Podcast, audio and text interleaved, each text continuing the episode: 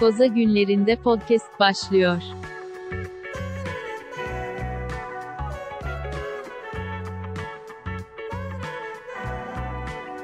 Herkese merhabalar. Lak Lak Podcast 2021'in 8. bölümünde sizlerle beraber karşımda Edil var. Merhabalar Edil. Merhabalar Onur. Nasılsınız beyefendi? İyiyiz efendim. Sizleri sormalı. İyilik. Hafta sonu havalar çok güzelmiş Kaliforniya'da. Müthiş. Müthişti valla. Bangır bangır. Bunlar e, yaklaşmakta olan yangınların habercisi mi? O da var ya birkaç ay ayımız daha var yangınlar için. Ama belli olmaz ya. Artık ne, ne olacağı belli olmadığı için. Abi sezonlar nasıl kaydı ya? Feci feci. Çok kötü Yani abi biz dünya geçen hafta Texas'tan bahsediyorduk da yani e, hani Kaliforniya'da benzer sıkıntıları işte bu yaz sonu yaşıyor her sene artık. Ki biraz artık hep olmaya başladı. O, da biraz korkutucu. Ne yapacağız bilmiyorum ya. anormal hava paternleri yaşıyoruz. Mesela bu sene Washington'a e, kar bir kere yağdı sonra donan yağmura çevirdi. Onun dışında sene sezon boyunca hep donan yağmur yağdı. Eksi 3 derecede yağmur yağdı hep. İşte abi. E, gerçekten bir sapıtma durumu var. Geçen hafta verdiğimiz bilgilere bir güncelleme yapalım. Geçen hafta bir iddia Yapalım. olarak sunmuştuk. Ee, Teksas'taki elektrik kesintilerinin bunun bir serbest piyasa olmasından dolayı olabileceğiyle ilgili iddialar vardı. Yani fiyatlar, üretim Evet. fiyatları arttığı için e, elektrik teslimatı yapılmıyor diye ama e, sanırım kesintilerin sebebi o değilmiş. Ama bu tabii bu dediğimiz yanlış değil. Bazılarına Teksas'ta binlerce dolarlık elektrik faturaları da gitmiş bu arada. Ee, tam olarak Onu nasıl- söylüyorlar ya öyle bir olay yaşanacak. Hatta şey otomatik ödemeniz varsa kesinlikle kapatın. Bok yersiniz yoksa diye.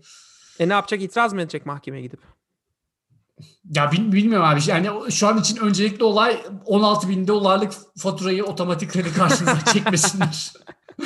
Gerisine sonra bakacağız şeklinde. Ee, ama ya de- dediğin iyi oldu abi. Çünkü biz de geçen hafta iddia olarak söylemiştik. Ama yani öğrendiğimiz kadarıyla sonradan e, gerçekten donmuş ne var ne yok. Bütün teçhizat, rüzgar türbinlerinden şeye kadar.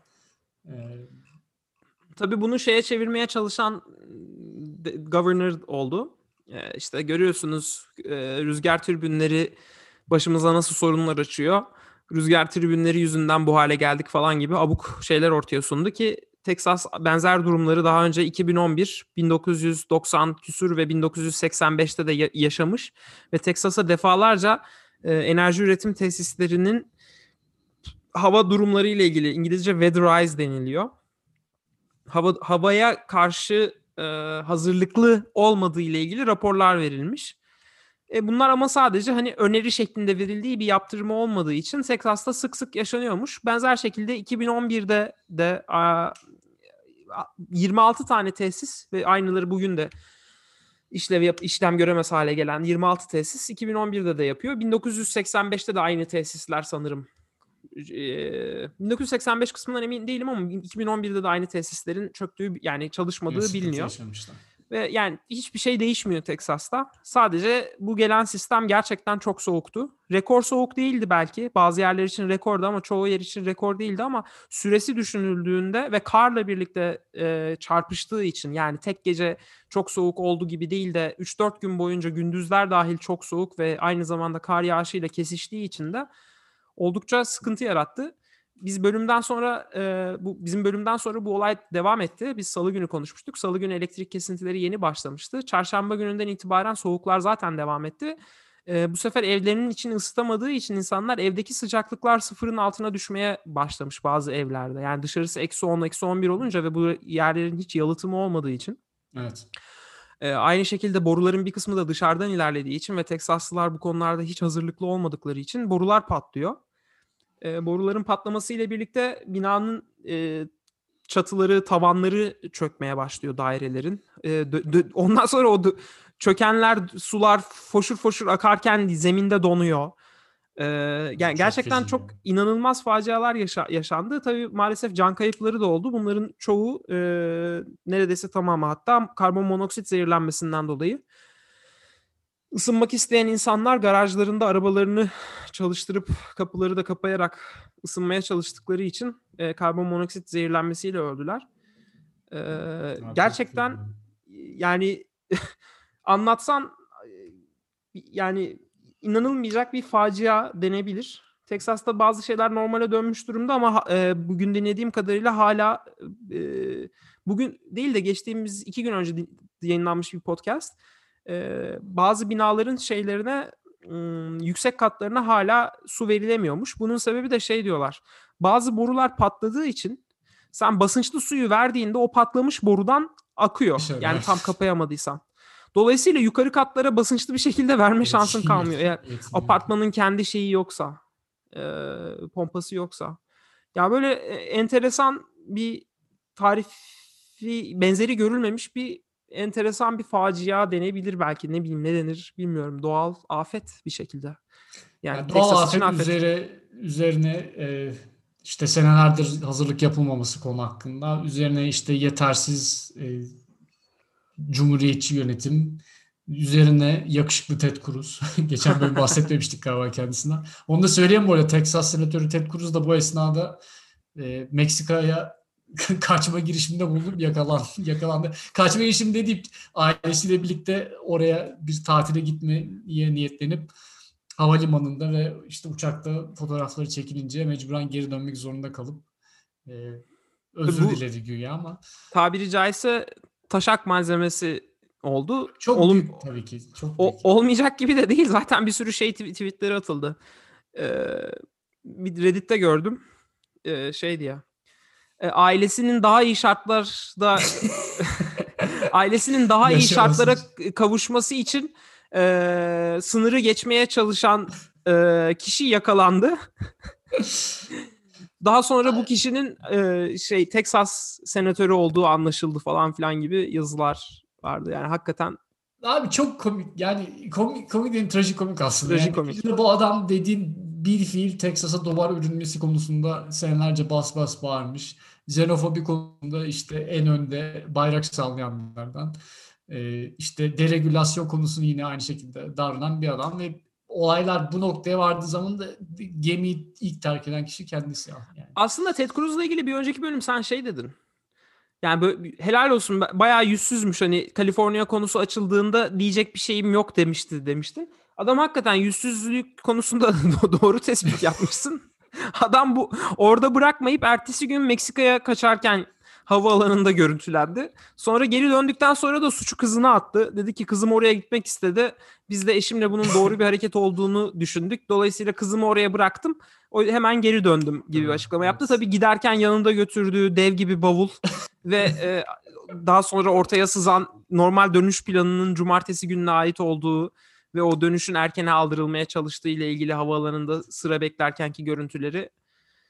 Bir de Peki. grup, grup chat'i yayınladı galiba New York Times. Evet. Ritz Carlton'da çok iyi bir kampanya varmış diye karısının paylaştığı Karısı WhatsApp'ta. evet. Ritz-Carlton'da e, Cancun tatillerini maalesef yapamadılar. Geldi burada halı falan evlerini su basan evleri halılarını falan kaldırmaya çalışıyor. İzledim mi bilmiyorum ama çok Yok o kısmı görmedim. işte o bir de yani imaj her şey ya böyle bir foto op deniyor burada işte e, kendini ya bu şeye benziyor. E, şu Buket neydi ya Kanal D haberi sunan. Atarlı olan mı ya? O mu? Atarlı Evet olan yok mı?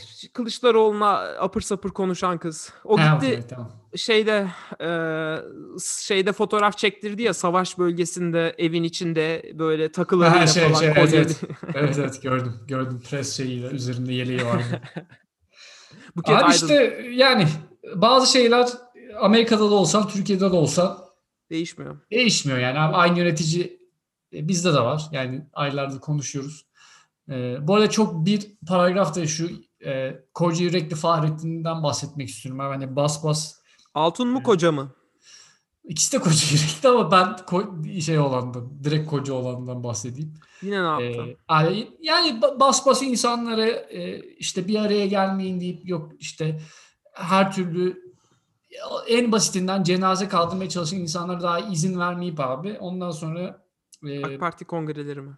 AK Parti kongresi olsun yine bu arada başka bir cenazede yine on binlerce adamın bir araya toplaması olsun.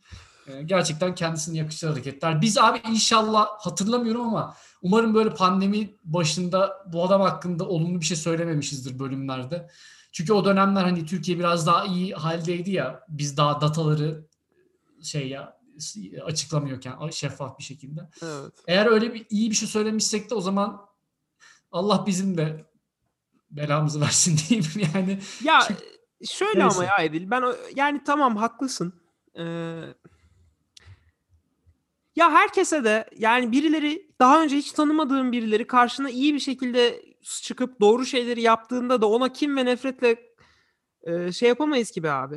Ki Yani zaten ben- öyle yapmıştık abi. Yani konu biz konuya yakın yani yaklaşım açımız o şekildeydi. Ben hatırlıyorum yani neticede bir şey iyi yapıyorsa da hakkını vermek lazım diye ama e, biz de abi artık o kadar çok uzun süre gördük ki bu adamların Türkiye denen yaptıklarına dair o gaflete düşmememiz lazım. abi. Bu adamlardan gelecek herhangi bir şeyin altında bir bit yeni aramak bizim default settingimiz olmalı. Ya doğru diyorsun. Bak bir şey söyleyeyim mi? Doğru diyorsun. Aslında hiç konum değildi ama bu bölüm hadi oraya da girelim. Biraz uzayacak bölüm. Ee, diğer konuları kısa keseriz. Abi bu Ay'a gitme mevzu. 5 milyon dolar bütçeyle aya gitmemiz. Ya o 5 milyon dolar işinin e, öyle olmadığı söyleniyor. İşte BBC'nin o rakamı nereden bulduğu belli değil falan. Hani uzun Hı. vadede daha çok para harcanacak. Proje proje ilerlenecek. Hı. 5 milyon Ki dolar. olabilir. Olabilir. Evet. İşte şey falan savunuluyor.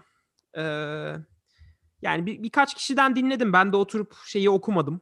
Ee, kararnameyi ya da işte şeyin sitesine girmedim. Türkiye Uzay Ajansı'nın sitesine falan girmedim. Zaten girip de zaman kaybetmek de istemiyorum. Çünkü eminim böyle e, şey gibi böyle jenerik görseller, işte uzaya gidiş, böyle bir şeyin Türkiye'nin otomotivi geliştirme grubu Böyle saçma saçma vizyon cümle. Ha böyle vizyonumuz, misyonumuz falan. Neyse, mesele o değil. Mesele şu. Mesela şimdi insanlar şey hep aynı noktaya geliyor. Böyle yepyeni bir şey atılıyor ortaya. Ve yepyeni bir şey atılınca siz Türkiye'nin kötülüğünü mü istiyorsunuz?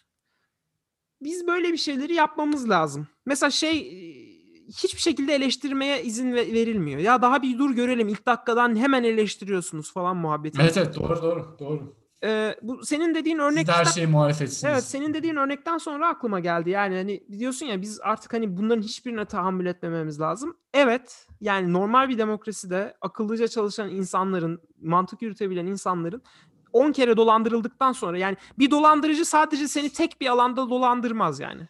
Bir Doğru. dolandırıcı seni onlarca alanda dolandırır. E, Bunu bunu akıl edebiliyor olmamız lazım. Ama işte öyle olmuyor. Yani hadi her şeyi e, mantıklı bir çerçevede tartışalım. Ka- karşılıksız olarak itiraz etmeyin deniyor. Yani işte e, hiçbir söylediğiniz yok, hiçbir geliştirdiğiniz bir şey yok. E, sadece itiraz ediyorsunuz. Ama şimdi öyle değil. Yani gerçekten örneklere bakıyoruz. Bakıyorsun abi bu proje e, bu projenin kendi içeriğine bakıyorsun. Çok saçma bir şey yokmuş gibi duruyor. Yani diyor ki ilk aşama olarak ben Ay'a sert iniş yapacağım. Ee, beni uzay boşluğuna kadar başka bir roket taşıyacak. Uzay boşluğundan sonra ay yörüngesine inip yüzeye çarpmaya çalışacağım ben diyor. Hı. Kolay bir task değil. Başarabilirsek güzel. Yani Hindistan daha da gelişkinliğini yapmaya çalıştı. Yumuşak iniş yapmaya falan çalıştı. Onlar uzaya kendileri mi çıktılar bilmiyorum. Galiba onlar uzay boşluğuna da kendileri çıktılar. Ee, şeye de karşı değilim bu arada. Yani işte ülkede bu kadar aç var. Ee, siz hala uzay programı düşünüyorsunuz falan. Yani doğruluk payı olan bir söylem. Yani evet bir- birçok konunun çözülmesi lazım ama bu konunun da çözülmesi lazım. Yani öncelikleri belirlemek birazcık orada e, halkla devlet arasında bir şey. Bence öncelik şu olmalı. Uzay programı da olsun, halk da doyurulsun ama saray masrafımız olmasın yani. Evet işte evet anlıyorum. şey yapılmaz ya. e, tasarruf neden edilmezdi?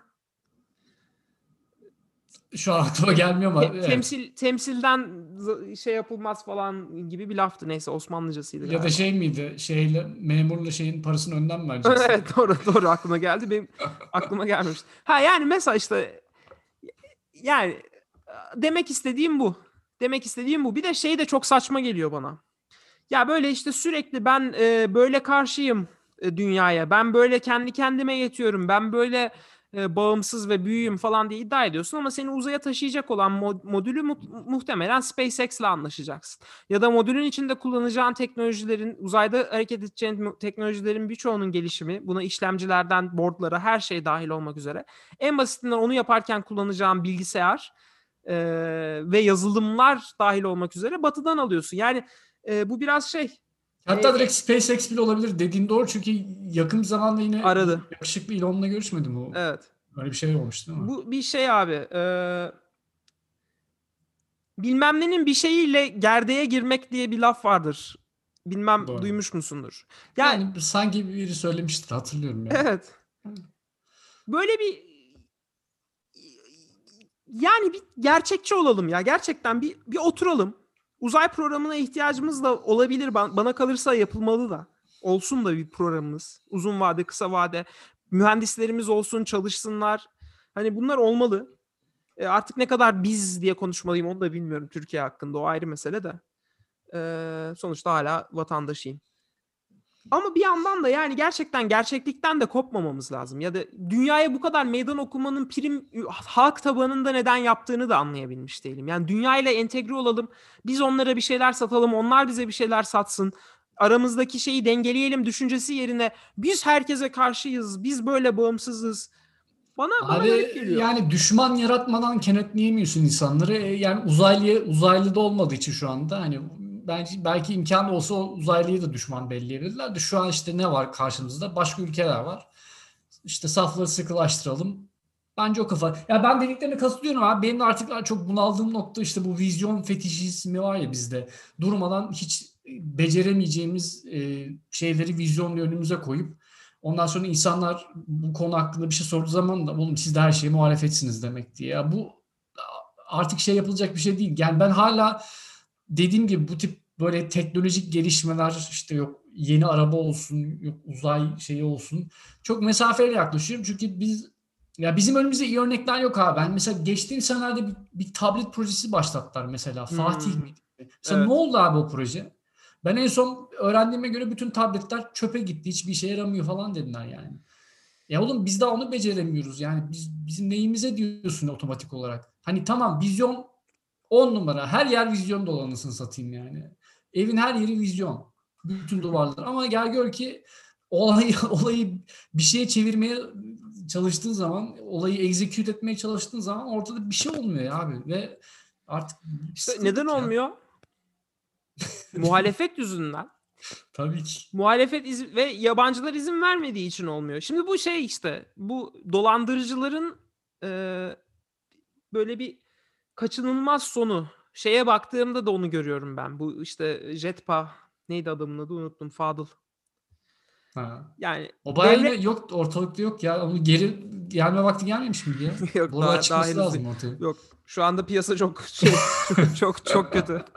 Düşün bak o bile, o bile piyasaya o, çıkıyor. o bile o bile yapıyor. Ya mesela ona ona soracak olursan o her şeyi düzgün yaptı. Ee, devlet bu işe el koyduğu için yani evet zam planlananın biraz gerisinde kalmışlardı ama zaten çok büyük bir projenin altına girdikleri için geride kalmaları normaldi.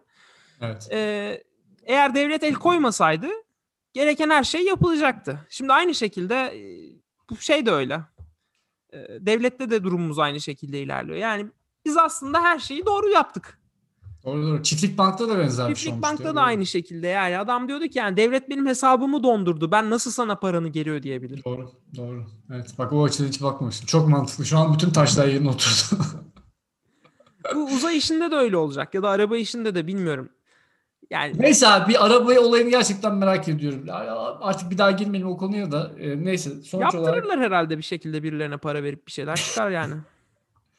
Bir görmek istiyorum abi bu olay Yani nereye seri bağlanacak. üretime geçebilecek miyiz? Ne kadarı yerli olacak? Ne kadar fiyata satabileceğiz? Hmm, Satışlardan ne kadar zarar edecek devlet?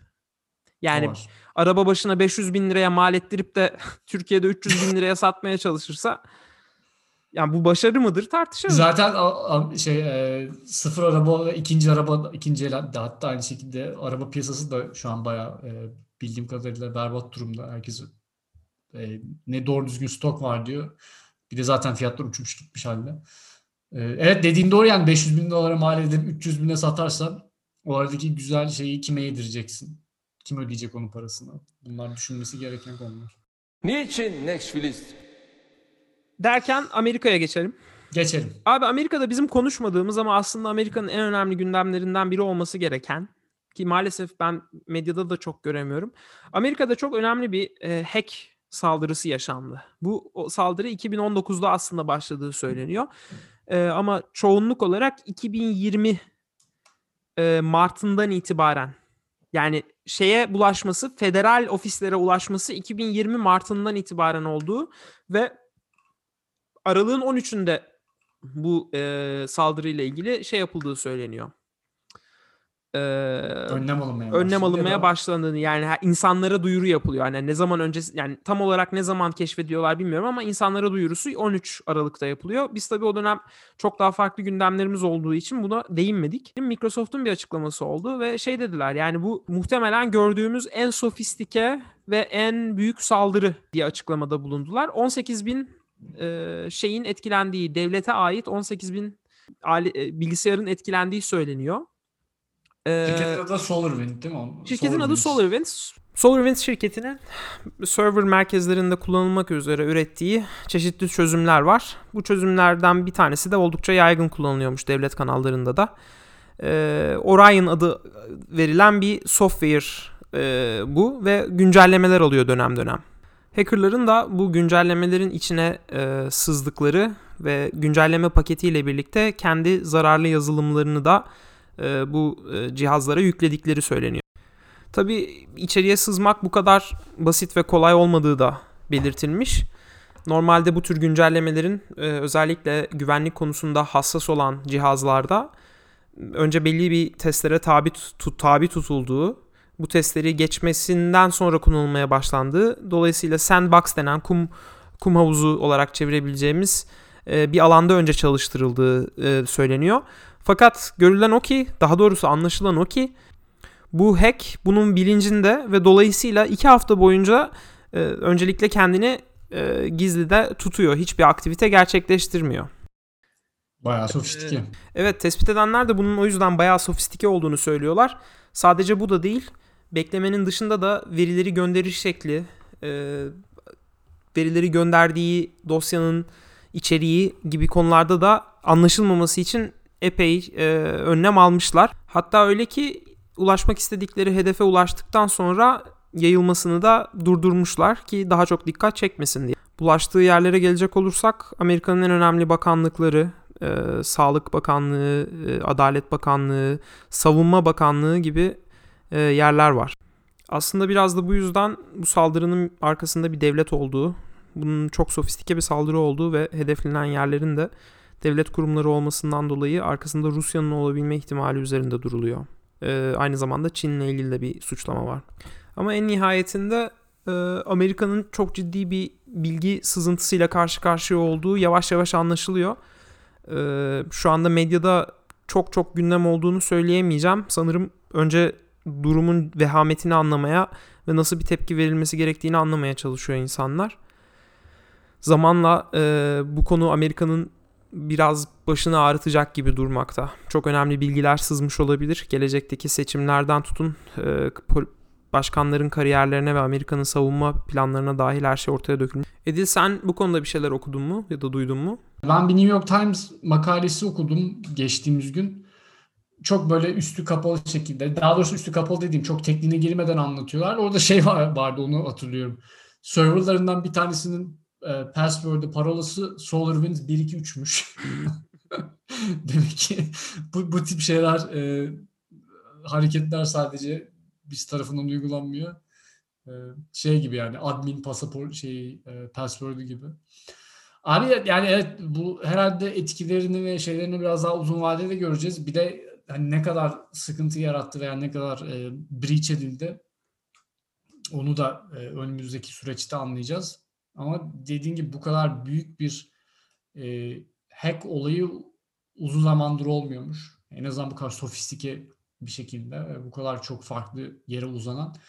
E, bunu da herhalde arada bir geri dönüp şey yaparız ya bölümlerde. Bu evet. bir gelişme olduğu zaman. Bize şey olacak gibi geliyor. Bir de bir şey daha söyleyeceğim. Sadece Amerika'da değil bu arada. Bu software'ın satıldığı Başka ülkelerde de var evet, evet. sıkıntı. Ee, diğer ülkelerde de bunun olmuş olabileceği söyleniyor. Ya bunları tabii konuşurken aklıma şey geldi. Yani acaba Türkiye ile ilgili herhangi bir özel Oğlum bizim bütün şey kimlik bilgilerini çaldırdılar zaten. Evet. Ol- oluyor oğlum bayağı üzerinde. Biz, bize muhtemelen zaten ihtiyaçları olan her şeyi aldıkları için tekrardan uğraşmış olabilirler. Ya inşallah orada hiçbir şey çalmamışlar tabii canım. Hani şey bu olaylar çok ciddi yani. Biraz biz biraz daha light yaklaşmaya çalışıyoruz da e, şey identity theft is not a joke Jim diyor ya White Office'te. Tam o, o hesap yani. Benden bu kadar bu haftalık. Yani bu konuda da çok bilgi verebilmiş gibi hissetmiyorum maalesef. Ee, yani çünkü dediğim gibi ben kendim anlayabilme sınırımın ötesinde detaylar veriliyor izlediğim, takip ettiğim kaynaklarda. Ee, biraz daha bunu hafife indirim veren bir kaynak bulabilseydim ben bire- birebir onları aktarmak isteyecektim. Ama- bu arada biraz da dediğin gibi yani çok da yeni yeni düşmeye başladı. Yani gidip aratacak olursanız Google'da son bir, bir haftada falan epey haber var bu SolarWinds hakkında. Ee, herhalde biraz daha önümüzdeki günlerde öğreneceğiz gibi duruyor konu Evet. hakkında. Yani biz de yeni bir şeyler öğrenirsek paylaşırız zaten bölümde. Ee, benim en son paylaşmak istediğim e, Twitter hesabımızdan da paylaştık. Bu hafta sonu San Francisco'da ev- bir ev taşıdılar Onur. Bilmiyorum sen görme fırsatını Yo, buldun hayır. mu abi? Ben kendi evimi taşımayla biraz şeyim. Bu tabii biraz yanlış anlamıştır abi. Evi komple taşımışlar abi. 139 yıllık bir Victorian tarzı evi alıp olduğu gibi olduğu yerden alıp 6 blok öteye götürmüşler. Yaklaşık 400 bin dolara mal olmuş abi. E aslında taşıması. çok değilmiş be. Ee, ve şey böyle saatte 1 mil hızla tıkır tıkır götürmüşler. Ee, Onun videoları var ya öyle. Var videoları var zaten. Hesapta paylaştığımda ki videoda görebilirler gire- girerlerse Twitter hesabımızı dinleyenler. Ben hesabımızı takip etmiyorum. Bu da belli oldu. Ee, ve şey abi e, e, ne derler bir şeye bakıyorum. Ee, 15 tane ajansla böyle koordine edilip taşınmış abi. E, Çünkü böyle 24 metre falan eline hayvan gibi bir şey oğlum yani sağa sola da döndüremiyorsun. Zaten ondan saatte 1000 mil hızla taşıyorlar. Ama bak bu görüntü çok komik abi yani ev gidiyor abi gözünü bir tane hayvan gibi. E, ama becermişler. Ya Koca bir küçük, alkış. en küçük bir hatada valla ev yerle bir olur ya. Tabii tabii. Bir de o hani şeyi de var. E, tarihi eser kategorisinde 139 yıllık bir şey. E niye taşımışlar? Oraya şey mi AVM Abi mi yapacaklar? oraya, oraya Toki bir şey dikecekmiş ya. Şaka Abi değil bu arada. Gerçekten bir şey dikiliyor böyle. E bir- yıksınlar abi. katlı. Abi işte bize bıraksalar biz muhtemelen yıkardık da işte herhalde tarihe saygıdan mıdır nedir? Bir de parayı da bol bol bir yerlerine sürmüş de olabilirler. Biz bunu başka yere taşıyalım demişler. Ee, ama o şekilde korudup bir yere götürmesi bile, bile bence büyük bir başarı diyebilirim ben. Ee, Onu iyi dedin kardeşim. Diyelim ve bölümü kapayalım bence. Kapatalım. Ee, bu arada iPhone 13 ile ilgili bir, bir, şey vardı bugün ama onu herhalde bir sonraki bölüm konuşuruz. Aa ben kaçırdım. Abi ben iş çok yoğun ya. Neyse. Bir sonraki bölüm görüşmek üzere. Ben onları toparlar gelirim. Bakarız. Bay bay. Teşekkür ederiz. Hoşçakalın. Bay bay. Koza günlerinde podcast sona erdi.